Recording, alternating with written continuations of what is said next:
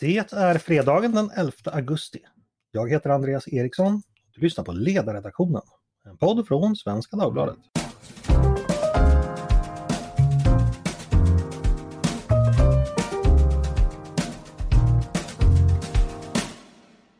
Varmt välkomna ska ni vara till oss igen. Varmt välkomna att följa med oss på ännu en fredagsresa där vi summerar, kommenterar, analyserar allt nyligen timat inom politiken. Ännu en dryg timme där vi med obunden moderat skarpsyn och förhoppningsvis tankemöda ger oss på tidens stora och trängande frågor. Veckan har ju präglats av oro i väderleken. Stormen Hans kom, sågs och segrade. Och här ute på min ö i havsbandet fick vi se hela horisonten skälpa åt sidan när havet låg på i form av mäktiga vågor med buteljgröna dalar och gräddvita toppar.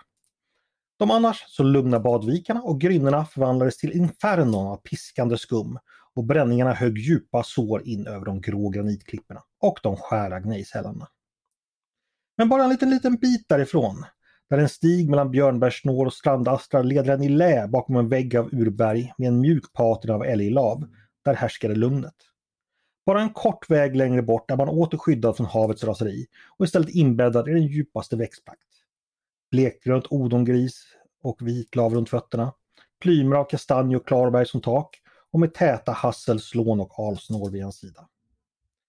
Stormens dån och vågornas dova gurglande hörs bara avlägset och när en vit sol tänder upp de låga molnbankarna och får dem att glimma i sensommarljuset kan man lätt låta sig luras att man befinner sig många mil och dagsetapper från ovädrets kaos. Men det gör man ju förstås inte.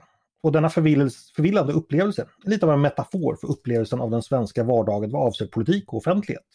Stormen är där aldrig långt borta, hur söta björnbären än ter sig på busken intill, för att använda en väldigt tillkämpad parabel.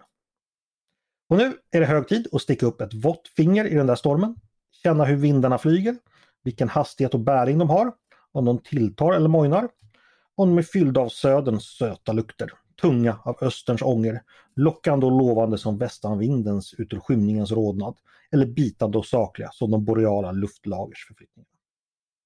Med mig för att göra just det har jag som vanligt på fredagar samlat runt mig några av mina klokaste och mest skarpsynta kollegor. Just idag heter de Henrik Dahlgard, Paulina Neuding och Mattias Svensson. Hej på er! Välkomna Hej. alla tre! Halloj, halloj! Hej! Henrik, eh, välkommen hit! Eh, hur nervös var du idag efter Japans mål när du såg att det var 10 övertidsminuter kvar? Orimligt nervös. Eh, det var ju, den första halvleken var nog det bästa jag sett eh, vårt kära damlandslag spela, men i andra halvlek så var jag mer nervös när jag kollade på Arsenal, vilket är eh, mycket. Mm. Det blev lite onödigt spännande. Du, eh, hur har du firat segern? Firat segern. Jag har ätit en eh, god lunch med vita bönor, vilket inte låter så upphetsande. Men det var fira i det lilla helt enkelt. Ja, ja. Det är bara kvartsfinal trots allt. Det kan bli bättre framöver. Eh, Henrik, hur har du klarat ovädret? Har det varit hårda dagar? Nej, jag har njutit jättemycket av det. Det är som att eh, hösten kommer redan i början på augusti, eh, vilket jag älskar när man är Uppsalabo. Det, det finns ingen bättre årstid i Uppsala. Hösten, Mm. när det är kallt, lite regnigt, ruggigt. Jag tycker det har varit helt underbart. Och henne ni hörde sucka instämmande där, det är då Paulina som gör nypremiär för höstterminen i podden. Hur är det med dig? Det är bra. Jag tänkte just på det här med höst i Uppsala. För att när det, är, när det är så här höstigt, jag tycker som Henrik att det är den bästa tiden på året. Jag får liksom lust att köpa bänkpapper, nya pennor, en ny lagbok, nya sådana här, ni vet, flärpar till lagboken. Ehm, Mm. Men, får jag lägga lite sordin på stämningen? Hur var den där första hösten i Uppsala när ni insåg att ganska många redan hade flyttat? Att korridoren var fylld med nya ansikten? Att Mm. de där ressebalarna och liksom de där festerna inte var riktigt roliga längre utan att ett annat liv liksom trängde sig på och det var dags även för er att gå vidare. Var inte det en lite annan känsla Paulina? jo, men jag var inte kvar i Uppsala då. Nej, du Jag- tillhörde de som drog. Jag, jag, hade, jag, jag blev en av dem som aldrig kommit hem. Jag, jag hade redan åkt, jag var redan klar. Såg du fotbollen då Paulina? Mm. Vad tyckte du? Eh, att det var bra och roligt. Ja, bra. Jag, tyck- bra och roligt. jag, jag tyckte som man ska tycka om Mm. damfotboll. Mm. And nothing else. Precis. Eh, Mattias, hur är det med dig? Det är bra. Har du fått något oväder uppkallat efter dig någon gång? Möjligen på någon moderatstämma, men inte annars. Men om det vore så, då skulle det väl dra fram en frihetsvind över Sverige och varken spara Systembolag eller universitetsinstitutioner. Ja, men det låter ju faktiskt som en trevlig och värmande vind. Ja. Vad tror du om Spanien i semifinal då?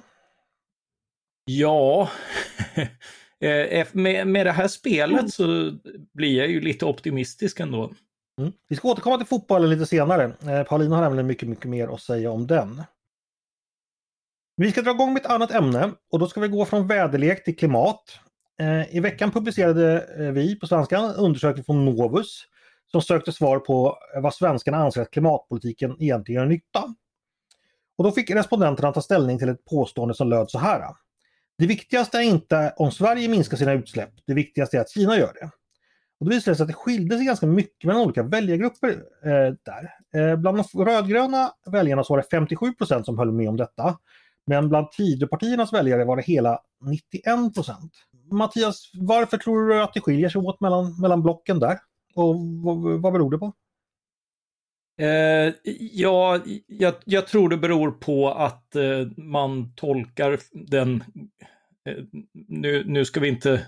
Eh, vi ska ju egentligen flagga innan vi kritiserar vår egen nyhetsavdelning, så nu flaggar jag med flaggan här, men jag tycker att det är en idiotisk fråga.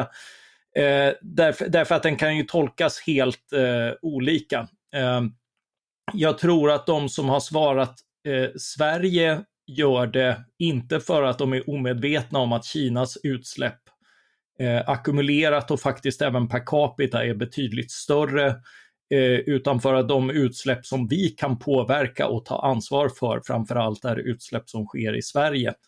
Eh, medan eh, de som har svarat eh, Kina dels eh, förmodligen eh, insett just att Kinas utsläpp är betydligt större och de därför är en viktigare aktör men det finns ju också en känsla i, eh, i klimatpolitiken, liksom i migrationspolitiken, av att det finns en väldigt enkel lösning, nämligen att andra måste göra mycket mer. Okej, men och, säg att det är en tolkningsfråga. Då. Varför tolkar olika väljargrupper då frågan så olika? Eh, ja, alltså det, det finns ju, om, om det finns ett misstag att tänka liksom andra måste göra mer och, och det finns Eh, Eh, det finns en föreställning om att, eh, om att vi mycket billigare kan minska eh, utsläpp någon annanstans. Eh, det stämmer i teorin, men, men när man försöker göra sådana överföringar i praktiken så, så går det ofta åt skogen därför att ingen är egentligen intresserad av, eh, av, av att det där blir korrekt, vilket vi har märkt på all, alla försök att sjösätta klimatbistånd och liknande. Eh, men det finns ett motsvarande misstag, misstag att liksom eh, militant driva på fler och fler utsläppsminskningar här eh, i tron att, eh, att, att det, är, eh, det är ett bra sätt att, eh, att driva på andra. Men det är det ju bara om vi inte uppfattas som ett avskräckande exempel, vilket vi blir om vi driver på för mycket här hemma. Så det, det är en balansgång eh, där där man måste göra flera saker samtidigt men inte för mycket eh, av något enskilt. Så är det ju. Eh, för jag tänkte leda vidare den här diskussionen lite till, till klimatopinionen generellt. För att, eh, ja, det är ganska enkelt att förstå att klimatomställningen måste då ske dels för att klimatets skull förstås. Sen måste de ske med hänsyn till, till den teknik som finns men det måste också ske med hänsyn till eh, den ekonomi vi har och med hänsyn till också den demokrati vi har. Det vill säga att liksom väljare måste i alla fall till största delen vara med på den för annars ska de rösta fram andra politiker. Vad tänker du kring det Mattias, det här med den, den, den, demokratiska aspekten av att ha med sig så många som det krävs för att ändå göra den här omställningen. Har politikerna varit lite dåliga där eller borde de kanske tvärtom pressa på ännu mer? Vad, vad, vad tänker du där? Eh, nej men det är ändå demokratierna som ligger främst och, och det, det ska man inte eh, sticka under stol med. Det finns en massa fantasier om att diktatur förmodligen vore effektivare och sådär liksom. Men, men det är som med alla drömmar om, om diktatur eh, en, en inbildning därför att diktaturer vill också dölja, diktaturer har inget intresse av den feedback som kommer genom människor. Vi har ju eh, inte minst i Sverige och andra västländer, stora engagerade miljörörelser. Det finns Eh, unga människor som går ut i arbetslivet, vill jobba för företag som, som är eh, aktiva i att, att faktiskt sprida en bättre teknik och liknande. Det är en del av den, den mening man ser med sitt, eh, sitt yrkesliv och annat. Eh, och, och, just det, eh, det som växer underifrån, som bygger på engagemang, som, eh, som handlar om att involvera människor, inte bara i demokratiska beslut, utan, utan i alla beslut som fattas i fria samhällen. Eh, det är ju demokratiernas styrka. Eh, sen, sen är det klart att det lägger också en hämsko på eh, på en del av de mest vilda planerna som kostar väldigt mycket och kanske inte ger så mycket. Eh, och, och där, där finns en broms, men den bromsen tycker jag är bra. Okej. Okay. Eh, Paulina, jag ska släppa in dig här. Eh, Mattias har redan antytt saken, eh, men jag har också gjort spaningen att vi har en mm. situation där vissa grupper i samhällseliten, allierade med vissa ideellt organiserade krafter, där går man åt ett håll när det gäller klimatpolitiken och det är ganska snabbt. Medan stora väljargrupper står kvar, rent av mm. går åt ett annat håll. Det påminner mig om en annan fråga, eh, nämligen mm. hur det gick i migrationspolitiken. Är det en riktig spaning tror du? Det är en helt riktig spaning och det syns framförallt när man tittar utomlands. Alltså, om man kollar på högern i USA så finns ju, det är ju mycket mer utbredd skepsis mot klimatrön och klimatpolitik. Så att så är det. Och där hade ju vi, alltså den, den här politiska eliten som du pratar om och den mediala eliten, den hade ju kunnat ha lite mer förtroendekapital på banken om, inte, om man inte hade slösat så mycket på migrationsfrågan. Mm. Så det är väldigt olyckligt att man gjorde det. Um, samma, samma institutioner som krävde att vi skulle titta på vuxna män och säga att de var barn, de kräver nu att vi ska eh, lyssna på dem i den här frågan, där de allra flesta av oss inte har de kunskaper som krävs utan det är helt baserat på tillit. Mm. Eh, så, så, liksom, så har man liksom, det finns andra skäl att, att lita på de här institutionerna, men man har varit väldigt vårdslös med det kapitalet under lång tid. Eh, och då är det, det är inte bra. Mattias, håller du med? Eh, ja, alltså det här kan man ju, i, i så fall skulle det väl vara mindre klimatengagemang i Sverige och, och större, eh, större skepsis i Sverige eftersom vi hade ett väldigt stort eh, flyktingmottagande. Mm. Eller i Tyskland och, vi, och det är ju snarare tvärtom. Det, det, följer inte alls. Det kan ju finnas andra faktorer. Det kan ju vara så att det... Jo, men det var lite min poäng att det fanns nej, andra faktorer. Det går inte att säga om, om det Paulina stämmer, då måste vi få det utfallet. Det är, alltså, det är inte ett korrekt antagande. Men eh, jag tror inte att förtroendet är allt för skadat för att den här frågan ska kunna eh, funka. Alltså, kolla på hur SD agerar i klimatfrågan. De har inte gått fullt ut förnekelse av de här rönen. Eh, vilket de hade kanske gjort i, under andra omständigheter i ett annat land. Men i, ja, det kan man jämföra med USA exempelvis. Ja, I Sverige ryms liksom inte det inom vad som är normalt, inom normalspannet. Mm. Eh, Henrik, vad tänker du om vi pratar just eh, opinionens betydelse för klimatomställningarna? Att, så att säga, vi ska ju göra det här tillsammans och i alla fall behöver ju en majoritet vara överens om att eh, omställning ska ske helt enkelt. Eh, är, är opinionen där just nu och hur, hur stor del är vanliga väljare och vanliga konsumenter beredda att ställa om på det sätt som, som klimatet verkligen kräver? Det är en jättebra fråga. Jag tror att man måste ha i åtanke att när det kommer till sådana här opinionsfrågor så tenderar väljare på olika sidor av det politiska spektrat att se klimatfrågan lite annorlunda. Jag tror att många borgerliga väljare synsätt på klimatfrågan utgår från effektivitet. Att klimatåtgärder ska vara effektiva, att pengar ska placeras där de ger mest nytta internationella klimatinvesteringar hör man ju oftast från, från borgerliga håll. Ehm, men på, på vänstersidan så tror jag att klimatfrågan också har en mycket större ideologisk dimension. Att det här handlar inte bara om effektivitet utan det handlar om ett visst synsätt på, på samhället. Det handlar om rättvisa. Ehm, och där har ju klimatfrågan historiskt också väldigt tydliga kopplingar till, till ideologi. Eh, tänk på exempelvis hur, hur kärnkraften blev en, eh, en ideologisk fråga om centralisering och Eh, och så vidare. Eh, och här tror jag idag för många inom vänstersidan så hänger klimatfrågan ihop med en moralisk syn på marknadsekonomi. Att vi i väst under en tid har eh, utnyttjat och profiterat på, som det brukar låta, eh, länder i, i syd och så vidare. Så det är den rättvisa aspekten som jag tror att spelar roll i när många vill skynda snabbare. För man ser det här också som en moralisk fråga och inte som en effektivitetsfråga. Um, vad, om det var ett svar på din fråga vet jag inte alls, men jag tror det är, är viktigt att hålla i huvudet när man pratar om just opinion. Ja, det var en så flummig fråga så det förtjänade ett flummigt svar. Nej, men det var alldeles utmärkt. Jag ska be Mattias eh, sy ihop säcken här. Eh, du har följt den här frågan väldigt länge, i decennier. Vart är vi på väg? Eh, är vi på väg mot liksom en polarisering och vilken grad av den, är den sakpolitisk och genuin och legitim? legitim och hur mycket handlar den om positionering och, och vad landar vi på några års sikt tror du? Uh, ja, det är ju svårt att säga, men det, det finns, det finns risker. Uh, vi, vi ser det i uh, klimatrörelsens radikalisering till exempel, att man börjat ägna sig åt civila olydnadsaktioner som mer handlar om att att, att ställa sig själv som person i centrum för aktioner som de flesta blir irriterade av, eh, inklusive människor som, som är helt med på att, att vi behöver minska utsläppen och, och, och ställa om.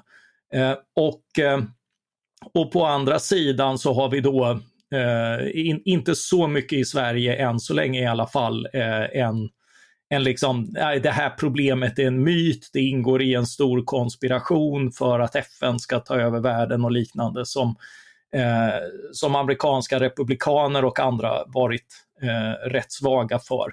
Eh, mm. Och de här båda, båda förstärker ju varandra och de, de eh, får vi en polarisering så kan det lätt komma att skena mellan de här båda därför att de är ju varandras spegelbild.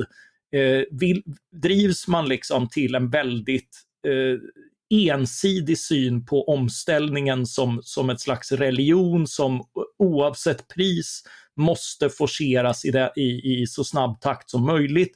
Och framförallt mot oss därför att vi är de stora syndarna och det här är liksom vår vår eh, avbön för det he Henrik är inne på. Det här är, eh, vår dödssynd var att vi skapade ett samhälle som vi blev, eh, där vi blev rika och fick det bra eh, och Eh, och, och, fick det bättre förvisso till priset av utsläpp. Eh, eh den synden ska vi nu betala för genom att avskaffa det här så snabbt som möjligt. Det är liksom en slags radikal, eh, ofta liksom eh, bättre bemedlad medelklassångest som trivs på kultursidorna och, och där då, då blir man liksom frasradikal och, och eh, risken när, när det finns ett stort stöd i frågan är att de här fras, eh, radikala fraserna blir liksom mål i politiken och så sitter man där med en, en glad reduktionsplikt som någon har ritat upp på ett fint diagram och rätt vad det är märker folk att ja, alltså nu, nu är dieseln väldigt dyr och, och hela landsbygden är beroende på det här och då, då skriker man stopp. Ehm, mm. Och, och, och den, den, typen av Ja, alltså demokratin finns till för att hantera den typen av, av konflikter och bromsa upp den typen av, av liksom, där goda saker går överstyr eh, och, och andra märker det så säger man stopp. Det är ju lite grann eh, att, att, att, det, att vi har det här och att det blev en valfråga och sånt där, det är ju lite grann en illustration av att demokratin ändå fungerar. Men, men ska, ska vi få fram effektiva åtgärder så är det ju åtgärder som, som inte slår för hårt mot människor, som går fram i en, i en lagom takt och som litar väldigt mycket till till att liksom nya bättre saker kan växa fram. Alltså som, eh, som till exempel eh, Eh, glödlampor där man reglerade, vilket jag svurit mycket över, men, men eh, mindre och mindre med åren eftersom, eftersom det trots allt har vuxit fram nya och bättre eh, lampor med de här nya, eh, nya sätten som sparar el, vilket vi ska vara eh, glada för i vinter och förra vintern. Mm. Eh, jag svär mindre och mindre med åren, säger alltså Mattias Svensson, Svenska Dagbladets ledarredaktion. Eh, det får man tolka som ett gott tecken eller, eller ett dåligt tecken. Då var vi klara med det ämnet den här gången, fast jag tror vi säkert vi kommer återkomma till det. Eh, och då tänkte jag vända mig till Paulina för du har tagit upp ett intressant ämne i veckan. Eh, du har skrivit om det eh, och då var rubben Staten måste sluta hjälpa kriminella. Eh, och det är förstås lätt att hålla med om. På vilket sätt hjälper staten kriminella? Ja, jag skriver om eh, olika typer av sätt som kriminella använder sig av offentliga register eh, och eh, blir hjälpta i sin brotts, brottsutövning. Eh, det handlar till exempel om bilregistret som ju ligger öppet i Sverige. Eh, du kan gå förbi ett hus och googla på, eh, googla på eh, registreringsskylten på en bil och ta reda på i princip allt om ägarna. Eh, du kan, Landvetter har larmat om att bilar som står på parkeringen blir utsatta för just det och sen så åker tjuvar hem och länsar eh, husen till de här bilägarna. och sådär. Eh, sen så är det här med hemadresser, att alla svenska hemadresser ligger öppet tillgängliga med liksom en, en trevlig bild på ytterdörren. Eh, och det, det som föranledde det här mer konkret, det var att eh, det, det var ett bombdåd i förra veckan i Södertälje som då tros vara riktat mot en anställd på ett SIS-hem.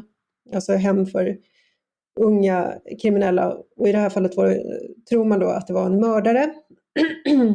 Killen som är dömd för att ha mördat en man på Delta Gym i Stockholm. Man tror att han eh, ville smuggla in en mobiltelefon för att rymma och så var det en eh, SIS-anställd som inte ville vara behjälplig med det och sen så small det utanför den anställdes hem.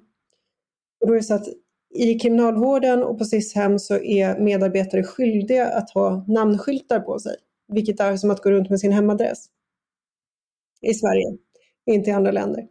Eh, och det, det är sån här extrem naivitet som som är faktiskt helt oförlåtlig i det tillstånd vi befinner oss. Alltså med den här typen av kriminalitet så får man inte vara så dum att man har den här typen av regler. Liksom, även om det inte smäller bomber hos varje SIS-anställd så ska vi vara helt säkra på att varje SIS-anställd, varje kriminalvårdsanställd tänker på det här. Normally, being a little extra might be a bit much, but not when it comes to healthcare. That's why United Healthcare's Health Protector Guard fixed indemnity insurance plans, underwritten by Golden Rule Insurance Company, supplement your primary plan so you manage out of pocket costs. Learn more at uh1.com. Får fråga då, eh, för bakgrunden är ju den svenska offentlighetsprincipen som du säger, det är att staten samlar ihop massa uppgifter om oss som också blir offentliga. Då frågan är, Bör staten samla ihop mindre uppgifter eller bör staten vara bättre på att hålla det man har hemligt? Vad, vad, vad är lösningen? Det senare. Det senare. Eh, och jag har fått läsa mejl de senaste två dagarna med, med ytterligare liksom exempel på de här absurda sakerna som är offentlig handling i Sverige. Och då är det bouppteckning efter en avliden till exempel. Kan du begära ut och veta precis vad det är för tillgångar som delas upp eh, bland eh, efterlevande. Eh, det finns absolut inget skäl till att det ska vara offentlig handling på det sättet. Eh, så att det, det finns tusen sådana saker. Och, och här, här sticker då de nordiska länderna ut. Och när man läser artiklar om det här i utländsk press så, så tillskriver man det här då the jantel law, alltså att eh, man tittar på varandras inkomstuppgifter och så. Eh, men till och med Norge har till exempel gjort att man inte kan titta på andra människors inkomster anonymt. I Sverige är det, jag kan ju gå in på era inkomster och sen så så att tidningar publicerar med jämna mellanrum eh, de rikaste i din kommun, de köpte de dyraste villorna i din kommun och så vidare. etc. Sök själv där du bor. Mm. Och jag menar, så kan vi inte ha det.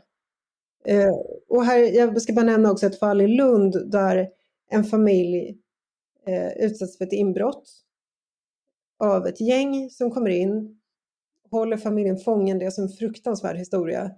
Eh, och när pappan inte tillräckligt snabbt kommer på en kod så tar man en pistol och riktar mot dotterns huvud. Eh, och, och i det fallet så vet man då att eh, det här gänget då sökte på inkomstuppgifter på nätet och hittade till den här villan. Mm.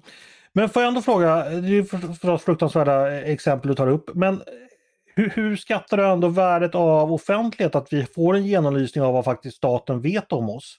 Och att vi därigenom inte bara kan granska staten, det kan också användas mm. för att granska makthavare, exempelvis politiker eller journalister eller andra inflytelserika personer. Mm. Men det, det, Vad är det värt i sammanhanget? Ja, men det är klart att det finns ett värde i det och det är klart att man måste hitta en god balans. Men att Sverige ska ha en extrem lagstiftning i det här samtidigt som vi har en extrem organiserad brottslighet som använder sig systematiskt av de här registren. Det, det är ju inte hållbart. Eh, och, och, jag menar, i Tyskland så behöver du kan inte komma över allas adress på det sätt som du gör i Sverige. Eller i normala Men jag ska nämna en sak till, nämligen åldringsbrottslighet. Och åldringar är ju då väldigt, väldigt utsatta för de här systematiska ligorna som systematiskt går på just gamla äldre eh, ringer och håller på och försöker få lura dem på pengar. Och även, eh, ni vet, PRO och polisen är ute i informationskampanjer sedan flera, flera år. Man vet att det här pågår. Även den gamla människa som hinner lägga på luren därför att hon eller han förstår vad det är som håller på att hända. Det, det kan vara en, ett enormt slag mot känslan av trygghet att veta någon har googlat mig, någon sitter med en bild på min ytterdörr och vet att jag är äldre, att jag är ensam eller att vi har den här bilen eller vad det nu kan vara. Och det är att, att vi tillåter det här att pågå år efter år, det, är liksom, det säger någonting om äldres låga status i vårt samhälle. Eh, och, och liksom att vår liksom eviga dygdesignalering och politiska korrekthet är inte riktad mot det som faktiskt är viktigt på riktigt. Jag kan ju nämna att eh, Sverige har ju tidigare gjort en del inskränkningar när det gäller eh, vad som är, är allmänt tillgängligt. Exempelvis var det så att förr i tiden var ju faktiskt passfoton eh, möjliga att begära ut som, som en eh, allmän handling så att du, i princip vem som helst som du ville publicera en bild på hade du också en bild ifall då personen hade ett pass. Eh, men då var det ju så att eh, Expressen gick för långt en gång när man efter Estonia-katastrofen helt enkelt begärde ut eh, alla, alla passbilder på de omkomna och la upp det på en första sida där det stod att eh, ja, de här är döda helt enkelt. Och det ledde, det, det, den vreden över det helt enkelt ledde till att man, det kom en lagändring så småningom. Så det var, det var Expressens fel helt enkelt. Patrik Kronqvist har skrivit Expressen om att man tidigare hade i telefonkatalogen så stod det vilka som hade vapen hemma. Mm. Eh, och jag menar, och då, där tangerar vi ju det här uppenbara då, säkerhetsfrågan. Alltså eh, försvars, ur, ur, ett försvarsperspektiv så, så är det liksom inte rimligt att eh, människor är så exponerade. Ja, om man talar om det. Förr i tiden, eller jag vet inte om det fortfarande är så, men då fanns det ju ruller där man kunde hämta ut i princip hela svenska försvaret, alltså eh, ner på plutonchefsnivå exakt vilka det var, med personnummer som fanns mm. överallt och sådär. Eh, och ändå behövdes det polska tavelförsäljare. det var väl så det som gjorde att de hittade rätt. Mattias, håller du med Paulina om att vi måste, staten måste hålla mer hemligt? Eh, ja, alltså eh, det, precis som Paulina skriver i sin text, det, det finns frågor där, där, eh, där det är väldigt tuffa avväganden, men, men det här är egentligen inte det, utan eh, det är ju staten som offentliggör privata uppgifter och där tycker jag inte att det finns någon någon större anledning att ha, att ha någon sorts principiell invändning. Eh, det har väl varit kul att kunna titta på vad grannen tjänar, men, men när det utnyttjas, när vi ser att det utnyttjas av kriminella, när vi i digitaliseringen vet att internationella ligor använder eh, det här för att, eh, att liksom planera stöldräder eh, för att plocka eh, delar av bilar till exempel. Mycket specialiserat och så.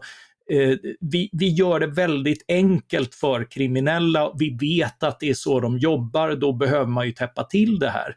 Det, det är, ju, eh, det, det, är ju en förändring som har skett eh, som, som gör att, att vi behöver göra om eh, hur vi jobbar med det här och det, det finns liksom inte det finns inga väldigt starka principiella skäl för att inte titta på och, och, och vikta om efter vad som faktiskt händer för att få ner mm. en, en, en mycket kränkande, mycket grov brottslighet som drabbar enskilda människor och gör och skapar väldigt stor osäkerhet, inte minst för äldre som Paulina är inne på. Tycker Jonsson får klara sig utan sin eh, taxeringskalender i framtiden låter det som. Det, det handlar också om människor som är i frontlinjen mot de här gängen. Alltså det är så här Britt-Marie som är lågstadiefröken och gör en orosanmälan eller Britt-Marie som jobbar som socialsekreterare. Eh, det är människor som är helt oskyddade ofta.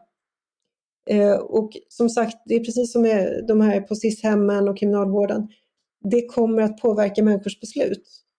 Britt-Marie kanske tänker så här, men jag kommer nog inte göra en orosanmälan för jag har min egen familj att tänka på.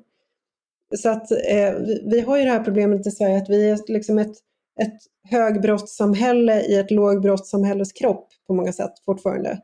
Att vi, vi tillåter oss vara naiva på ett sätt som vi inte ska vara. Apropå brott, Lexbase, Paulina, vad tycker du om det? Och deras, det kanske finns andra tjänster där man kan söka på om personer har, har varit dömda för brott. Ja, men det, det, det är en svårare fråga. Därför att om du till exempel går eh, om, om en bostadsrättsförening som eh, ska hyra ut en lokal eller ta eller något sånt, då vill man veta, finns det en risk att den här, eh, den här fastigheten sen blir måltavla för ett bombdåd till exempel, vilket ju inte är ovanligt tyvärr.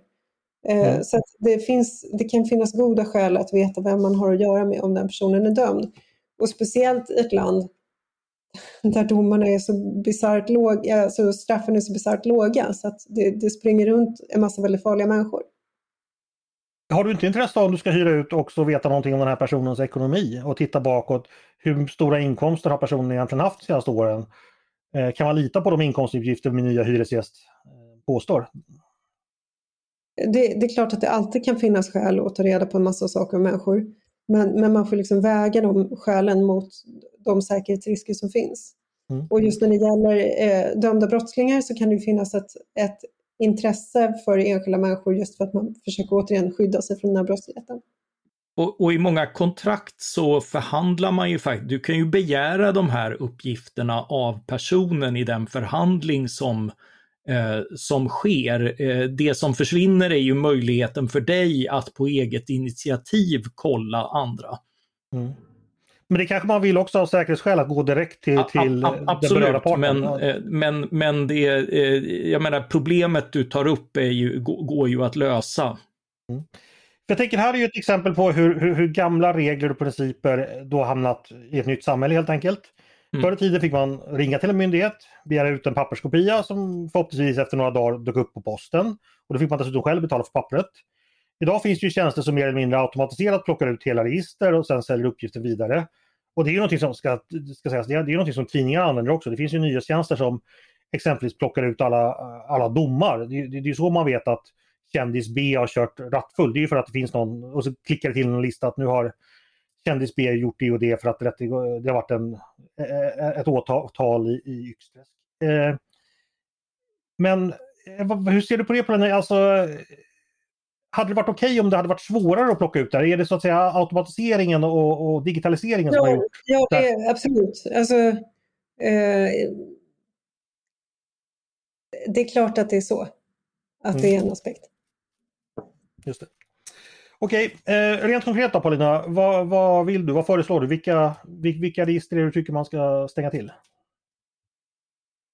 Jag tror att det behövs en total översyn. Alltså jag nämnde det här med bouppteckning till exempel. Det tror jag, inte, tror jag att många inte har tänkt på att det, ligger, att det är möjligt att begära ut. Eh, adresser uppenbarligen, allt det där. Eh, inkomster. Eh, så att vi, jag tror att man behöver titta på det överlag och jämföra med andra länder. Och sen så tror jag att eh, medieetiskt, alltså det, det är knäppt av Expressen och Aftonbladet att ha de där listorna och göra det möjligt att söka i din kommun. För det är också en aspekt. För, för att anledningen till att de här kan publiceras exempelvis av Ratsit och vad det är, det är ju att de har ett utgivningspris vilket gör att man då kan, kanske, eh, ja, man faller under samma regler som journalister. Då skulle man ju kunna säga så att nej, men det här är inte riktig journalistik för att man publicerar inte bara inkomstuppgifter så. Men tyvärr är det ju riktig journalistik i och med att de riktiga journalisterna, Expressen och andra tidningar, gör just det. Så då, då faller så att säga ja, men det är lite som så alkoholserveringsregler, liksom. man ska servera mat och så blir det liksom eh, chilinötter. Alltså, eh, vi skulle få väldigt mycket chilinötter i, i den, den typen av verksamhet. Mm. Vi ska gå vidare och då tänkte jag vända mig eh, till dig Henrik. Eh, och då handlar det också om, om eh, modern teknik höll jag på att säga. Men eh, du har ju skrivit att det är dags att logga ut från TikTok. varför det? Jo, det här var väl en, en text som jag skrev efter en eh, granskning som gjordes av den amerikanska affärstidningen Forbes. Och I den här granskningen så har de tittat på de annonser som har lagts ut på sociala medieappen TikTok.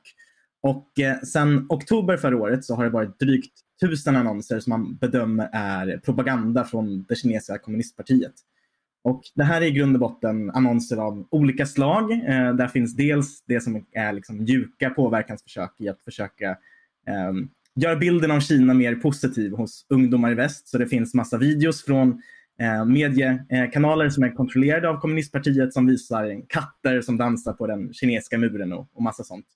Men det finns också annonser av ganska tydlig politisk karaktär. Eh, framförallt så fokuserar många mediekanaler på att försköna situationen som eh, håller på att ske i regionen Xinjiang eh, där just nu pågår en, en massförföljning och massinternering av den muslimska minoritetsbefolkningen uigurer. Eh, de sätts på interneringsläger, de torteras och, och tvångssteriliseras. Och det här visar flera annonser upp att det här är bara en lögn från mediekanaler i väst som är politiskt motiverad för att underminera Kinas projekt i världen. Eh, och det finns flera annonser som också visar upp Xinjiang som en väldigt, väldigt trevlig turistort. Eh, så det är liksom den typen av propaganda som, som kommer upp på TikTok. Eh, och det här sker samtidigt som en rad svenska partier, men även SVT och SR också storsatsar på, på den här appen. Eh, för det man ska komma ihåg med med TikTok att jag tror att vi oftast brukar betrakta sociala medier, framförallt de här videotjänsterna som, som underhållning. Men för den yngre generationen så är de här plattformarna också forum för att inhämta nyheter. Eh, den största nyhetstjänsten för, för 15 19-åringar är Instagram. Den andra största är TikTok. Så det är, så här, det är så här partier och nyhetsorganisationer idag vill så nå ut till den yngre generationen. Och Svenska Dagbladets ledarredaktionsblogg trea då eller? Ja, kanske. Jag vet inte. Det får vi prata med, med Tova om när hon kommer tillbaka från, från semestern. Ehm, men det jag tycker är så skevt med det här, det är väl att just, just att så stora nyhetsorganisationer och partier som i grund och botten har ganska stort förtroende. Det som händer när de är på TikTok och försöker ut, nå ut till målgrupper på TikTok det är att man normaliserar den här appen som en nyhetsplattform och som, som ett nyhetsmedium. Och då underlättar man ju de propagandaförsök som kommunistpartiet sysslar med. Eh, så därför tycker jag helt enkelt att framförallt SVT och SR som verkligen har skattepengar och politiska partier verkligen borde fundera varför man är på den här appen överhuvudtaget. Paulina, är du på TikTok? Ah, eh, Alltså det är jättebra om folk slutar med TikTok av många skäl. Okej. Okay. Det låter bra. Eh, Mattias, berätta, har, har du annullerat ditt TikTok-konto än? Hello jag, fellow kids! Jag var, jag var, inte helt klar. För, för, ja, absolut. För, nej men alltså, I Kina så har man ju också infört eh, restriktioner för barn och, barn och unga. De, och det är du lite för? Precis, mer kinesiska restriktioner. Nej men det, det är ju så här, alltså de är ju inte irrationella, de tittar ju på datat och konstaterar att när barn sitter och knarkar ner sig på TikTok så sitter de inte och lär sig matematik och annat som den kinesiska staten vill att de ska göra. Eh, det går emot eh, en massa saker, eh, bland annat då utbildningsmål som man har i Kina. Och därför så försöker man med tvång på olika sätt få ner den tid som ungdomar och barn tillbringar på TikTok. Mm. Och även om liksom metoden är utpräglat kinesisk så är ju analysen helt riktig. Alltså, det här är ju dopaminknark eh, och används av ungdomar och det är ett jättestort problem som vi är väldigt naiva inför i västvärlden. De kör alltså ett, eh, det vi gjorde mot dem under opiumkriget ger de tillbaks nu? Mm, precis. Eh, och, alltså, eh, det är om man tittar på, jag satt igår på bussen och kollade på hur barn sitter och umgås med varandra. Att de sitter med den här mobilen som är så här, ni vet när, när man får eh, eh, när man är nyopererad och fått smärtstillande och kan liksom sitta och trycka på en knapp så att man får, får, får liksom en liten dos. Så, så sitter de här kidsen med sina mobiler. De ska få liksom en liten dos dopamin medan de pratar hela tiden. Och sen så undrar man varför de mår så dåligt när de inte tittar varandra i ögonen när de umgås. Jag måste ehm. bara berätta en sak för dig Paulina för att du inte mm. allt ska sjunka ner i de här dystopierna. Vet du vad mina barn och deras kompisar har ägnat den här sommaren åt? De har kokat sin egen lemonad som de har sålt på Lilla Bytorget här ute på ön. Ja men det, det är helt, helt mm. rätt. Det är knattefnatte och käftar. Mm. Verkligen. Eh, jag blir nästan orolig för dem. Eh, mm. Det var nästan så jag trodde de skulle ta fram sådana här små hjul och slå på med käppar. Men det... Precis. Exakt, det har vi nämnt här i podden förut faktiskt. Eh, ja, det var- Driva jul heter det va? Det var jul heter det. Henrik, får jag fråga dig, eh, vet du hur SVT och Public Service resonerar? Har du fått någon respons från dem eller har du frågat dem eller vad tänker man? Se, ser man problemet där tror du? Um, jo, men det är väl en intresseavvägning som man gör som i, i grund och botten blir lite ett så spelteoretiskt dilemma. Och det är väl att den yngre generationen som, gud nu låter jag jättegammal, jag är liksom 25 och säger den yngre generationen. Konstigt. Men eh, det är, liksom, det är där man eh, når dem. Det är där de inhämtar nyheter. Det är väldigt få eh, av 15-19-åringar som varje dag sitter och, och läser en papperstidning. Eh, liksom. Eh, Så det är väl för att man har ett visst samhällsuppdrag där man vill sprida nyheter och då ser man det som ett måste att vara på, eh, på TikTok till exempel. Ehm, och framförallt politiska partier tänker ju så. Ehm, SSU är ju jättestora på TikTok till exempel och de bedriver mycket kampanjer för det är så de når den unga generationen och, och skapar opinion. Eh, och det svåra är ju att om en organisation slutar så eh, tappar man ju väldigt stora konkurrensfördelar gentemot andra. Och därför tror jag att det trissas upp en, liksom en, en konkurrenssituation där man känner att man måste vara där. Det finns inget alternativ. Lite, ja, kanske inte Fångarnas dilemma men någonting, vad heter det? Staghand, ja, som du säger, något spelteoretiskt. Jag tänker att snart kanske Malmö kommun ger sig in på TikTok. Eh, De ska bara bygga färdigt eh, sitt Second konto. world. Nej, men de håller på med ett konto på Lunarstorm tydligen. Det ska vara klart 2028. Därefter kanske man De håller på att låta på MySpace också. Ja, precis. Mm. Ja, okej. Eh, logga ut från TikTok. SVT är alltså vårt budskap härifrån. Då ska vi gå vidare. Och då tänkte jag prata med dig Mattias. Låter det okej? Ja då, eh, jag, jag är förvisso lite reserverad inför det där. Jag, jag tycker det finns ganska starka argument för att, eh, för att finnas på en global plattform eh, med andra budskap och att just det faktum att det, att det finns propaganda. Jag, jag eh, delar Henriks poäng, men det är lite grann ett dilemma när eh, det, det, det dilemma och den utmaning vi, vi ska se är ju snarare liksom att hur blev Kina dominant på underhållning och, och, och smartness och coolness? Det, det behöver ju vi lära och bli bättre så att, eh, så att eh, plattformarna, eh, ja, utveckla bättre plattformar helt enkelt och locka så. folk dit. För det har alltid varit USA som, i alla fall i min barndom, som såg liksom så, så, som hemlandet för all meningslös popcornunderhållning, lättuggat Precis. och sådär. Vad har hänt med, med, med Hollywood? Men är det så enkelt att man kör katter på kinesiska muren? Jag menar, vi kan väl katter vi också? Släng upp dem på Champs-Élysées eller, eller Piccadilly Circus och dansa så ja, det är moteld. Eh, ja, men vad kul att du, du kom med en åsikt till där. Vi låter Paulina bem- bemöta den direkt. Eh, bör man ändå inte finnas där? På TikTok. ja, fylla det med, med bra saker. Om det är ändå där kidsen är och visa att vi kan också. Ja, det, det ska man nog förmodligen göra. Det blir, det blir så knäppt att man bojkottar liksom Elon Musk men man finns på, eh, finns på TikTok. Men eh, jag tror att det är helt... eh, Jag tror att man får vara pragmatisk just i det avseendet. Var pragmatisk, hälsar Svenska Dagbladets ledarredaktion. Hörrni, nu ska vi gå vidare i alla fall. Eh, till Mattias. För du har skrivit i veckan om ett ämne som jag vet att det har intresserat dig länge. Eh, det har, du har drivit det länge. Eh, det rör sig om myndigheternas opinionsbildning. Och jag tänkte vi ska börja med att fastslå vad det här fenomenet egentligen handlar om. Eh, Mattias, ge oss lite översikt. Hur mycket opinionsbildar myndigheter idag? Om vad och varför? Går att bara kort ge oss lite referat? Eh, ja, det är det vi inte vet riktigt. Vi vet att det har vuxit. Eh, och eh, vi vet att det här, Eh, det är lite grann, anledningarna är olika men eh, nu, nu eh, har regeringen gett i uppdrag till Statskontoret att få en överblick över eh, myndigheters kommunikation, vad, vad, vad den kostar, hur, hur mycket det handlar om och, och vad det handlar om. Eh, och eh, det har ju dels sin historia, där, där, där finns ju liksom delar i, eh, ja, vad ska man säga, Alliansregeringen försökte ju förbjuda statlig opinionsbildning och det, det tycker jag det finns ett, eh, ett, ett skäl att definitivt att vara skeptisk mot, att staten försöker övertala människor. Eh, I en demokrati är det människors uppfattningar som styr staten och, och inte staten som ska styra människors uppfattningar.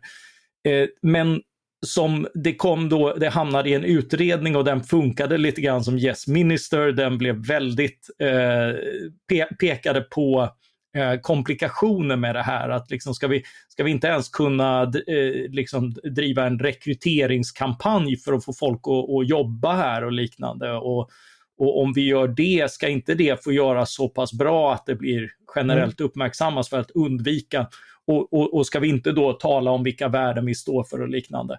Eh, och det är klart att eh, ja, det, det, blir alltid en gränsdragning, men, men vad man missat då i detta var att eh, då la man ner alla försök att på något sätt få en överblick över allt vad, eh, vad staten gör här och så har, så har det här bara vuxit och vuxit och vuxit. Eh, och det, det är ju sig en, en kostnad, men det är inte det stora problemet, utan det stora problemet är ju dels att det har blivit liksom ganska fritt för myndigheter att eh, opinionsbilda, kampanja, ofta om sin egen förträfflighet. Vi har även statliga företag som Systembolaget som lägger enorma resurser på att mer eller mindre utforma hela alkoholpolitiken som, som det här företaget tycker är är lämpligt med liksom folk som sitter på mycket välarvoderade och bekväma poster och så vidare. Så det är ju, det är ju liksom ett, ett intresse i staten som, som artikuleras för offentliga medel och, och det är ju naturligtvis eh, ett förfelat syfte. Och, och till detta kommer en utveckling, en tilltagande byråkratisering där kommunikationen bara är en del. Eh, det ska sägas, det blir lite orättvist att hänga ut någon 30-årig kommunikatör för, för det här som ibland har gjorts. Men, men det är en del i hur myndigheter centraliserats kring eh, HR-avdelningar, eh, kvalitetsutvecklare, strateger och liknande och den här verksamheten eh, har liksom fullkomligt exploderat på 2000-talet med, med högavlönade tjänster och direktiv och annat. Vilket har, eh, det var ju tänkt att underlätta men på många sätt försvårat myndighetsarbete i polis, sjukvård och annat. Man har slagit larm från både läkare och, eh, och, och, polis om att det, finns, det, det skapas för många direktiv, för mycket planer, för mycket strategier och liknande så att man knappt hinner jobba. Eh, och, eh, och kommunikationen är ju också en intern kommunikation. Man säljer in diverse visioner från HR-avdelningar och liknande till de anställda och blir på sånt sätt eh, His Masters Voice. Eh, likadant i universitetsvärlden, alltså från att ha varit kommunikatörer har varit liksom en service till forskarna så har kommunikatörer mer och mer i, i, eh, i, i de utredningar som har gjorts av det här blivit, blivit chefer som beställer saker av forskarna som då får en mer underordnad roll därför att det här har vuxit ihop med de här stora eh, chefs och HR-avdelningarna. Eh, mm. och, och där, där har vi ett, ett, ett problem som gör att att, att allt, allt fler som jobbar med faktisk verksamhet i det offentliga känner sig underordnade snarare än, än servade av, av den här typen av tjänster. Okej, okay. eh, det du kom med det är väldigt intressant och det är en ganska omfattande kritik. Eh, eh jag, jag, ska bara säga att det, den utredning då som alliansregeringen genomförde, eh, som Mattias refererar till, det är SOU 2007 107. Då, då man då bland annat som Mattias säger, man fann att det, det, det var svårt med gränsdragningar och att det ofta finns legitima skäl för, för eh, att kommunicera utåt. Och det är just det, jag, lite, för jag ska säga det, jag, jag, har själv en del erfarenhet, för jag har ju jobbat som kommunikationskonsult tidigare och har då arbetat för både statliga myndigheter och, och även kommuner och regioner faktiskt, eh, med olika typer. Och då är ett vanligt uppdrag det handlar exempelvis om kompetensförsörjningen. En myndighet som kanske inte var, var så välkänd och som insåg att vi behöver rekrytera utav helvete av IT-studenter. Men de vet inte ens vad vi är för någonting och vet det tror de att vi är några dammiga eh, kontorsråttor som sitter ute i något industriområde någonstans. Vi måste prata med dem. Det behovet, Mattias, att man vill liksom poppa till sitt varumärke inför... Ja, det handlar ju liksom om att myndigheter ska kunna utföra sitt uppdrag bra. Vad, vad, det, det, är väl kanske inte, är, är det det du är ute efter också, eller vad, hur ser du på det? Ja, delvis därför att det är ju, eh, det, det, blir ju också en del i att alla myndigheter ska vara hippa och där folk är och sånt där. Liksom. Det är ju också en vision som säljs in av konsulter som, som då kan ta bättre betalt och liknande. Och, och att, genom att just titta på omfattningen så, så, ser vi ju, så ser vi ju hur det här Eh, Eh, ja, det finns legitima önskemål i detta, men det finns också oönskade konsekvenser. Och, eh, och, och, just genom att titta på volymen och de oönskade konsekvenserna så kan vi se att de har blivit rätt dominanta. Mm. Och då får man kanske eh, leva utan att man kan poppa till sig för, eh, för en stor del av eh, budgeten. Det fanns ju ett annat argument som jag tror också lyftes i den ovan omtalade utredningen. Det var ju det här med att kommunikation ibland helt enkelt är en del av, i den statliga maktutövningen, eller säger, hur, hur, man, hur man genomför gemensamt författade beslut. Ibland måste man oh ja. kommunicera det. Eh, hur, den gränsdragningen, hur, hur, tänker du kring det? Eh, ja men, ja men så är det och i och med eh, digitalisering, det finns allt fler kanaler in och det vet vi ju liksom att vi, vi, vi kräver svar på ett annat sätt idag och vi är fler som gör det. Eh, och Eh, och, och det här är ju ett ständigt dilemma. Och, och det, det, är klart att, att, liksom, att vi har ett informationssamhälle gör att kostnaderna för att delta i det och kunna leva upp till de krav vi har på myndigheter som transparenta, möjliga, möjliga att ställa till svars och liknande, Eh, det är ju en kostnad. Men, men samtidigt, även där så finns det ju de som har pekat på att, att, att kommunikationsavdelningar som blir liksom sin egen verksamhet blir ofta mer av en vägg mellan allmänhet, medier och eh, de som utövar den fakt och är ansvariga för den faktiska verksamheten och kan på så sätt också försvåra insyn. Så även detta är en anledning att, att, att se över vad, vad man faktiskt ägnar sig åt. Jag tror faktiskt vi ska ägna en särskild podd åt det här framöver, för det är ämnet intressant och det finns några jag skulle vilja eh, tufsa ihop dig med faktiskt och höra vad som skulle komma ut ur ett sådant samtal. Bara slutgiltigt, vi har pratat gränsdragning, men Mattias, kan du nämna några myndigheter idag som du tycker helt, som du direkt kan säga att de ska sluta med sin opinionsbildning, det är inte vettigt, det är helt enkelt ja, inte bra. Vilka skulle du välja då?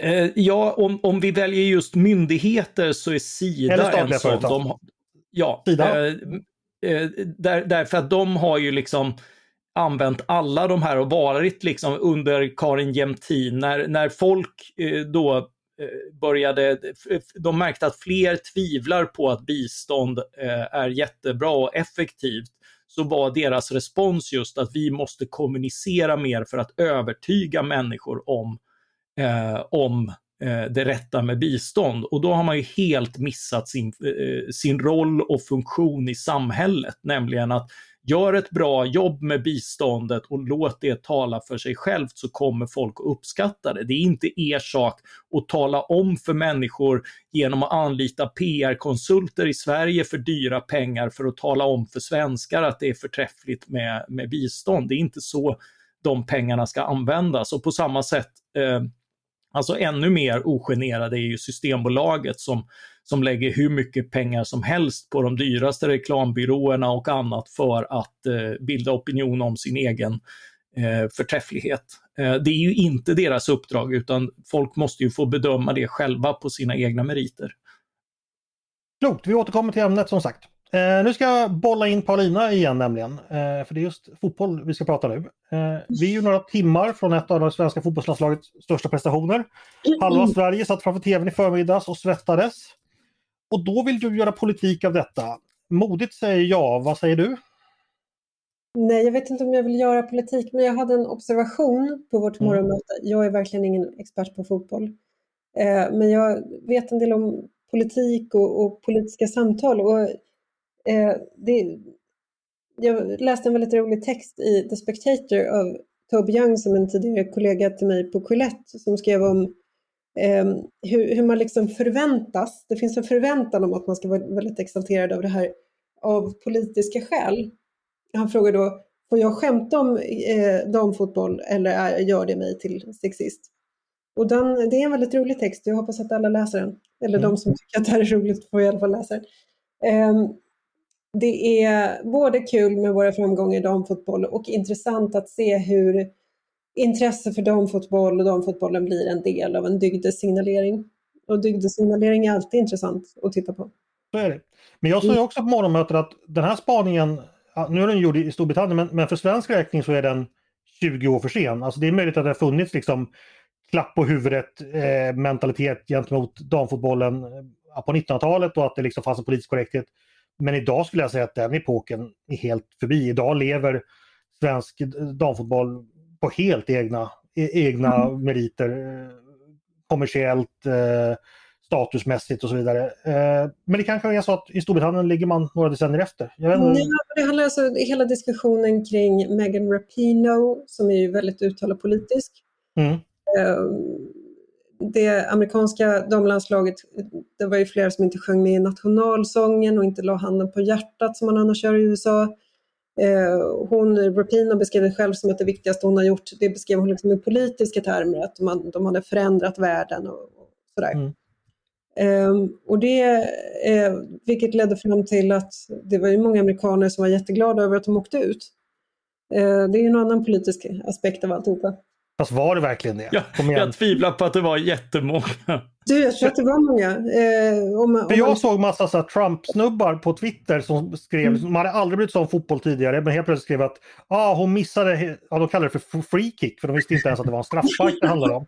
Alltså, det var ju människor som, det var ju bara liksom en re, man plockar upp någonting från gatan som kan användas i kulturkriget. Jag tror inte liksom det var genuina fotbollsfans som eller jag ja, men inte, men... Genuina fotbollsfans vet jag inte vad, men genuint politiskt intresserade människor tror jag att det kan vara. Eh, det, återigen, Spectator, eh, en av redaktörerna där i amerikanska utgåvan skrev en artikel om varför så många var glada över att Rapino missade och att det egna landet åkte ut. Just för att de inte uppfattas som patriotiska på ett sätt som, som är viktigt i USA. Okej, okay. ja, men, men om det är ju de lite var patrioter borde de väl vara glada? Okay. Nej, men det är så enkelt Mattias. Men, men den, den spaningen är ju intressant. För det, det, mm. det, tror jag absolut att det kan stämma i USA. Jag menar bara det här liksom med att den politiska korrektheten som omger, den, tro, ja, den finns i alla fall inte i Sverige skulle jag, skulle jag säga. Eh, eh, Mattias, vad tänker du om det här? Alltså jag, jag, jag känner att jag, så här, jag, jag trivs inte i rollen som expertkommentator på just fotboll. Eh, men eh, i samband med EM nu senast så var det ju, det var så var det stora diskussioner om den här eh, engelska tjejen som tog av sig tröjan. Det liksom beskrevs som ett så här ikoniskt ögonblick. Och, och sånt där är ju så här, balanserar alltid på gränsen till det fåniga och därmed på gränsen till vad eller blir, blir därmed intressanta därför att det, eh, det ger uttryck för en massa saker om vad man ska tycka, om vad en fin människa ska tycka, vad en fin människa ska vara engagerad i och när det här sker i en sport där, som inte har haft en liksom spikrak väg upp, alltså det, det, är inte som damtennis där, där kvaliteten liksom är helt inte ifrågasatt. Så. Um, så, okay. ja. Eh, mm. Fast jag är i och för sig en jävligt fin människa. Jag minns inte ens den här händelsen. Så att, jag, jag vet inte. Men för att släppa in Mattias här, vad, vad tänker du om mina och Paulinas olika tankar? Jo, men den här, den här frågan ligger ju lite grann, alltså jämlikhet mellan könen. Eh, betyder det lika lön och vad är i så fall lika prestation? Mm. Eh, och då kommer man in på den här uppenbara kvalitetsskillnaden. Eh, är den ett nödvändigt argument? Ja och nej. Alltså det ju, vi kan ju titta på eh, damer och herrar i allsvenskan till exempel, eh, där, där liksom, eh, damfotbollen drar mycket mindre publik och man därför har betydligt lägre ersättningar och liknande. Och det är en del som menar eh, så här strikta då att det, det är orättvist och sådär. Eh, och eh, eh, sen kan man å andra sidan titta på allsvenskan som ju är en erbarmlig pro produkt kvalitetsmässigt jämfört med andra länders högsta ligor, men som ändå drar, drar väldigt mycket publik. Eh, så men där också lönerna ligger betydligt lägre än i, i, i mm. Premier League. Ja, eh, mm. men, men det är också, eh, det, det, är också just det här att eh, fotboll och, och, sporter blir ju spännande i tävlingsmomentet. Det, det, är ju inte någon absolut kvalitetsgrej som gör att du uppskattar sporten, för den lockar ju människor på ungdomsnivå, på, på damnivå, på herrnivå, ner, ner i divisionerna och sånt där. Mer eh, uppåt förstås eh, och mer i landslagssammanhang. Och det, det, det, är väl, det är väl på något sätt bara att gilla läget och, och lite grann glädjas åt när publiken samlas kring, eh, till exempel kring eh, kring dammatcher också, därför att det, ju, det, blir fler människor som har behållning av, av ett tävlingsmoment som dör utan sin publik. Så är det ju. Och där ska jag säga, där har ju eh, Tobbe Young helt rätt att alltså lönerna i sportsammanhang sätts ju enligt en kommersiell logik, alltså beroende på hur mycket pengar som snurrar runt sporten förstås. Och, och, och jag kan inte se riktigt att ja, det, sätt skulle kunna vara det, finns ju, det finns ju en extremt rik eh, damfotbollsspelare, eh, Alicia eh, Lehmann i Schweiz. Eh, hon spelade en match i VM innan Schweiz åkte ut, men eh, jag, jag, får ändå, jag vet inte varför, vad jag kan ha klickat på för länkar för att få ideliga sådana här eh, pop-up-reklam om henne. Okej. Okay. Jag kan säga det att eh, det här med kvalitetsskälen och så här, som Mattias, både han och jag följer ju allsvenskan tyvärr, men man gör det ändå. Mm. Eh, och att damfotboll helt enkelt skulle vara tråkigt att titta på. Jag skulle vilja passa på att tipsa om Twitterkontot som heter Crap 90s Football. Eh, det kan vara en ganska bitter eh, uppgörelse med barndomsminnen då, för det är då fotboll från amerikan eller engelska första divisionen som man då som tonåring tittade på med jättelika ögon och det är fantastiska klipp där hur ja, fruktansvärt dåligt det ibland kunde vara. Ett jätteroligt oh ja, konto, oh ja. det, det, kan man titta på. Hörni, vi ska gå vidare och då har det blivit dags för ett av mina favoritmoment. Det är det som heter Svar direkt, då jag stresstestar mina kollegors politiska reflexer och förmåga att blixtsnabbt skilja gott från ont och sant från falskt. Det går helt enkelt till så att jag likt ett blixtsnabbt från Pia Sundhage bäddar för en retur som eh, Lena Videkull kan slå in. Eh, och det gör jag genom att be mina kollegor ta ställning till några nyligen lagda politiska förslag. Och eh, då vill jag då att man ska ta ställning på stubben, svara ja eller nej, vara för eller emot. Helt enkelt få ge svar direkt. Är ni redo för detta? Yes. Mm -mm. Ja. Lysande. Den svenska regeringen bör sluta använda begreppet islamofobi. Det skriver Sofie Lövenmark från stiftelsen Doku i en krönika på Expressens ledarsida. För det här har den franska regeringen nämligen gjort och det exemplet bör alltså den svenska följa. Detta för att begreppet islamofobi kan omfatta väldigt många olika saker. Det är svårt att ringa in och det används av islamister för att diskreditera kritiker av islam och stoppa legitim kritik. Vad tycker ni mina kära vänner? Bör vi skippa begreppet islamofobi? Ja eller nej? Jag vill ha svar direkt. Nej. Nej. Eh, komplicerat.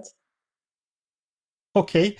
då mm. får man inte utveckla om man svarar så. Mattias, varför är islamofobi ett bra begrepp? Jag, så här, jag, jag förstår precis kritiken och jag sympatiserar med den därför att eh, det finns... Eh, islamofobi är ett väldigt överanvänt begrepp som eh, används för att tysta, att stämma fullt legitima kritiker Eh, och, eh, och låtsas att man är utsatt när man inte är det, när någon har ritat en teckning eller demonstrerat eller vad det nu kan vara. Så, så jag förstår definitivt, men det finns ju också ett hat mot muslimer som grupp eh, som behöver ett begrepp och det här är det begrepp som används. Så använd det korrekt och avsmalnat och istället för att liksom göra en poäng av att vi ska inte använda ett begrepp. Henrik, har du någonting att tillägga? Nej, nu var det Henrik först. Eh, har du någonting att tillägga? Men jag tror snarare att det vore jättebra om vi hade en diskussion om vad begreppet egentligen innefattar och fyller begreppet med, med innehåll. Eh, men jag tror om man börjar förbjuda politiken eller ta bort olika begrepp från politikens verktygslåda så tror jag verkligheten som politiker beskriver blir fattigare och mindre onyanserad. Eh, och mindre nyanserad. Okej, okay. okay, Paulina, du får, du får motivera. Det är komplicerat. Nej, men Mattias har redan förklarat, men jag, alltså, muslimhat, det måste finnas ett ord för muslimhat. Mm. Eh, men det får inte vara så att eh, kritik mot religion eller blasfemi blir, får liksom innefattas under det paraplyet och det är det som sker. Så att det, och det, är inte, det sker inte av en slump. Jag tyckte det var intressant, jag såg lite diskussion på Twitter, eller X som numera heter. Niklas Orenius, han skrev så här. Eh, jag brukar använda uttryck som antimuslimska strömningar eller den antimuslimska rörelsen när jag vill tala om hat, hets mot muslimer. Islamofobi tolkas så olika olika personer och somliga inkluderar även legitim religionskritik i detta begrepp. Så det finns en del som redan har tänkt på den här frågan. Och, ja, man kan ju välja andra ord helt enkelt. tar vi nästa, är ni redo? Mm. Vigselrätten i Sverige bör göras personlig. Kristna eller andra religiösa vigselförrättare får då på samma sätt som borgerliga vigselförrättare själv, själva rätt att viga par. Eh, och då också på samma villkor, det vill säga att man inte diskriminerar samkönade par. Det föreslår Susanne Silberg Ligander och Karin Grenberg Gelott från S-kvinnorna Göteborg på DN Debatt. Vad tycker då ledarredaktionen? Bör samfundens generella vigselrätt tas bort och ersättas med en personlig rätt på samma villkor som borgerliga vigselförrättare? Ja eller nej? Jag vill ha svar direkt. Nej. Ja. Ja, med reservationer.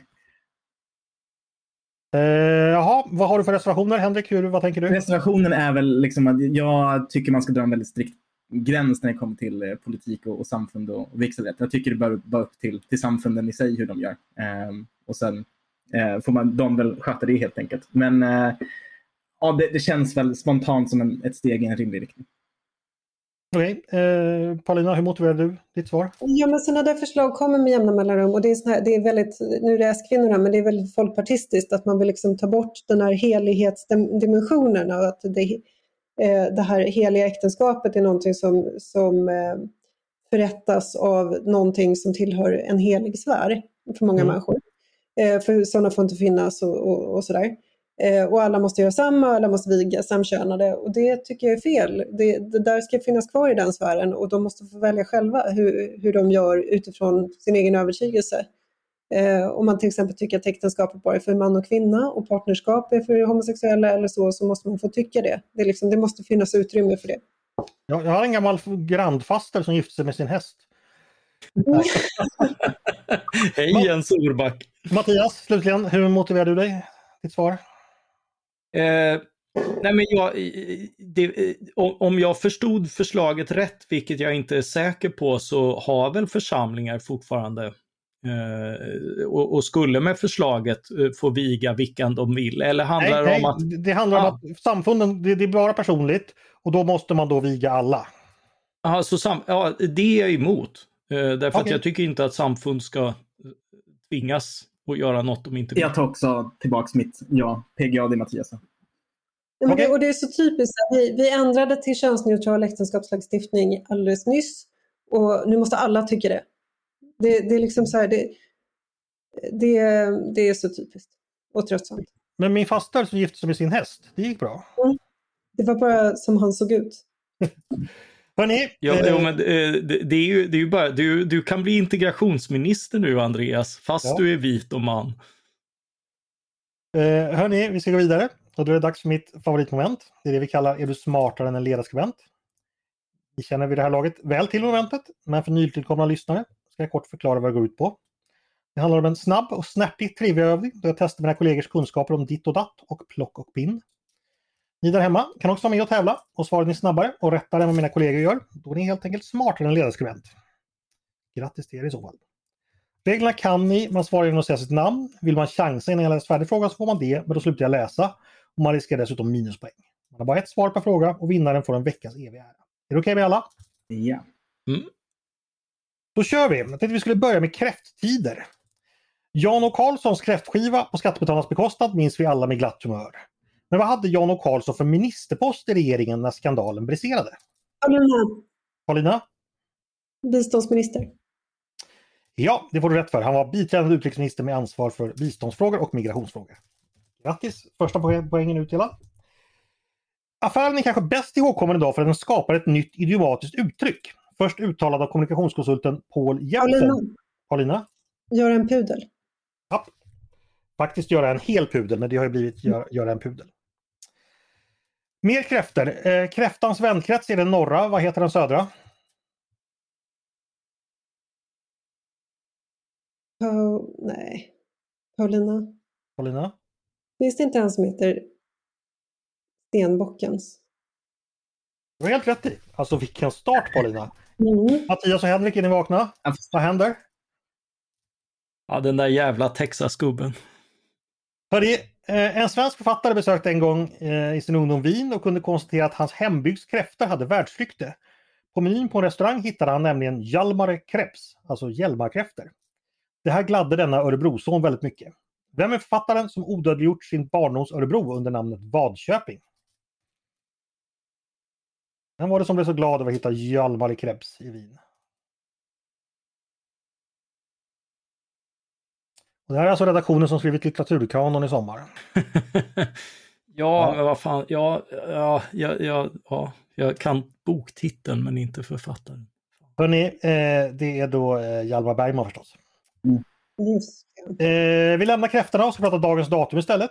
Idag skulle Gösta Plyselius fyllt 99 år, så här kommer 10 frågor om Rederiet.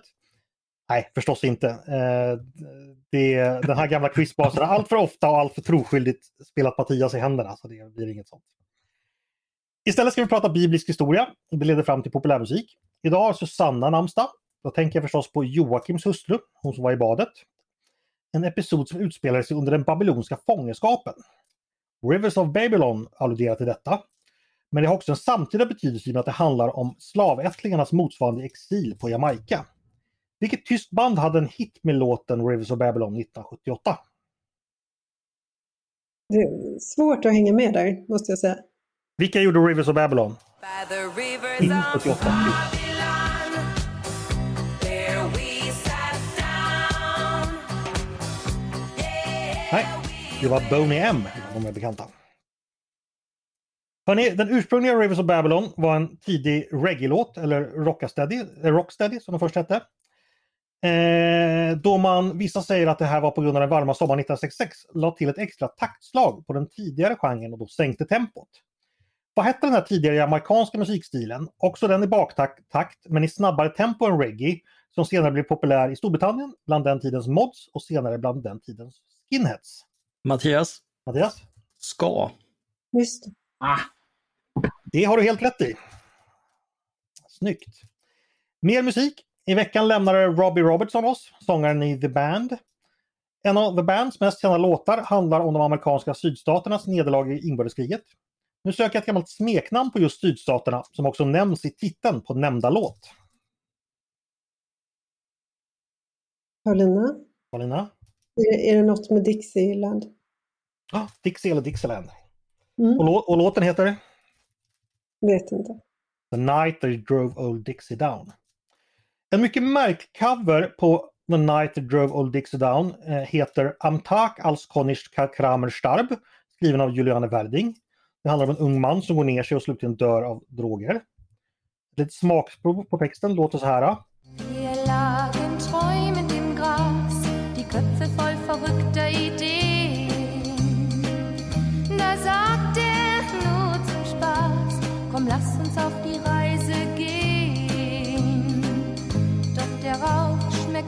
Schmeckte aber Conny sagte mir, was er sah. Ein Meer von Licht und Farben, wir ahnten nicht, was bald darauf geschah. Jag tror ni kära lyssnare anar vad som sen skedde- skedde. Ein mer från Licht und Farben bådar sällan gott. Fråga Dr. Snuggles och fråga mig. Juliane Werding har nått många svenskar på ett väldigt speciellt sätt. Hennes låt Das Wurferspiel, Tärningsspelet, förekom nämligen i en känd skolbokserie i tyska. Bokserien är kanske mest känd för att i inledningskapitlet figurerar en hund som heter Strupsi. Vad heter dessa tyska böcker?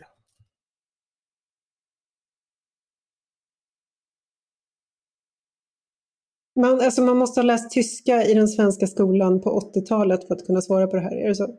80, 90 eller 00-talet skulle jag säga. Det fanns i många år. hur, hur ska Henrik, Mattias eller jag kunna svara på det här? Mattias, Mattias? auf Deutschland. Nej. Paulina, attackerar du quiz- quizmästaren alltså? Mm, hör du att. Ja, precis. Du var verkligen upprörd där. Du, nu du har ju ändå läst tyska. Ja, men inte med Strupsi. Eh, svaret är alldeles klar. Nu ska Paulina glad. Mer tyska. Om jag säger an auf hinter in neben unter vor zwischen. Eh, som prepositionerna som styr både aktiv och dativ beroende på riktning eller belägenhet. Vilken preposition har jag då glömt? An auf hinter in neben unter vor zwischen. Vilken glömmer jag? Paulina, det här kan du inte klaga på. Nej, men det, jag, jag lärde mig inte dem. An auf hinter in neben unter. vor. Du har glömt Heil. Vad sa du? An av... Nej, men tyst Mattias. An av... Hinter in neben unter vor zwischen. Nej, rätt svar är som taxiföretaget Uber. Mhm. Eh, då går vi raskt vidare. Jag tänkte vi skulle ha några frågor om kärnkraft. För var egentligen meningen att vi skulle prata om det idag också men så fick Peter eh, blev opasslig så att det blev inte så. Men det blir några frågor om kärnkraft ändå. Eh, den första kärnreaktorn i Sverige togs i bruk den 13 juli 1954. Var låg den någonstans?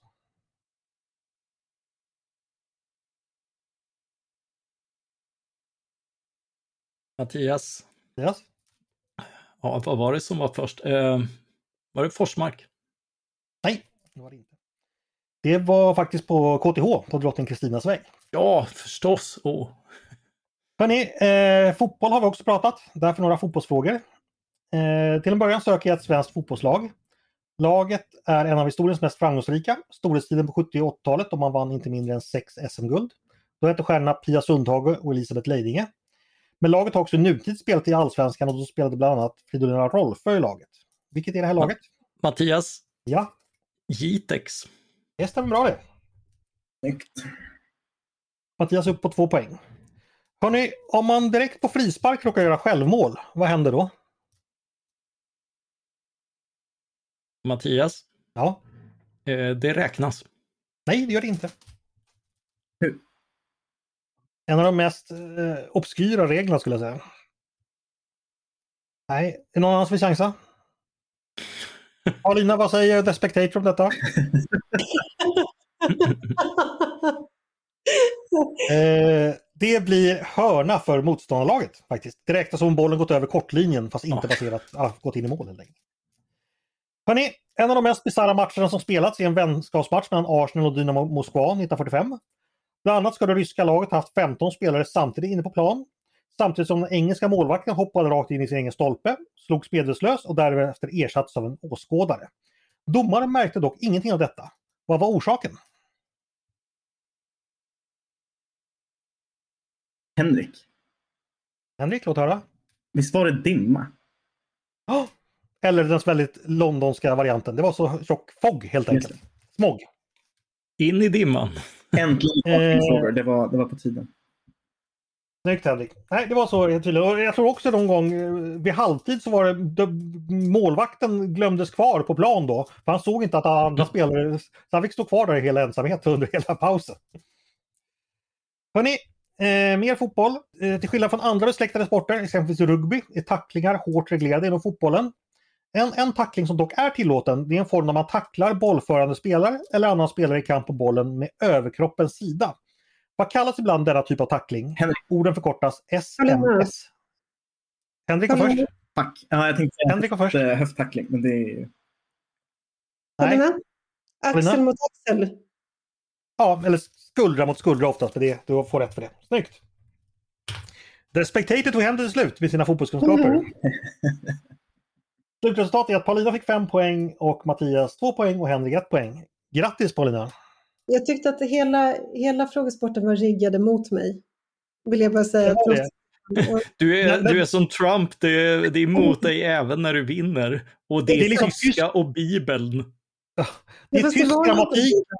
Det är tysk grammatik och Bob Bloomska fångenskapen och Paulina, nej det är för, för lite för mina frågor här. Hörrni, jag hade en jätterolig utslagsfråga, den måste jag nästan ta ändå. Eh, vad betalade Jan och Karlsson kilot för kräftorna han köpte till sin kräftskiva 2002? Eller snarare, vad lät han skattebetalarna betala kilot? Någon som vill chansa? Du hade, ja, förlåt, jag ska inte börja prata om det. 199 kronor. Men 540, han var en riktig finsmakare. Ja. Ja, Paulina, du skulle säga någonting? Du hade en annan utslagsfråga som du sa att du skulle använda som jag har gått och tänkt på. Det är det här med hur stor andel av amerikanerna som tror att de kan klara en fight med en grizzlybjörn. Ja, vi segrar en grizzlybjörn i i hand-to-hand combat, ja. Ja, precis. Det, det är en otroligt, otroligt bra eh, fråga. Ja, vi, vi, vi suger på den så länge, tycker jag. Ja. Hörni, det var allt jag hade att bjuda på idag, så det är dags att avrunda. Jag hoppas ni tyckte det var kul, trots att Paulina tyckte, tyckte frågesporten var så värdelös.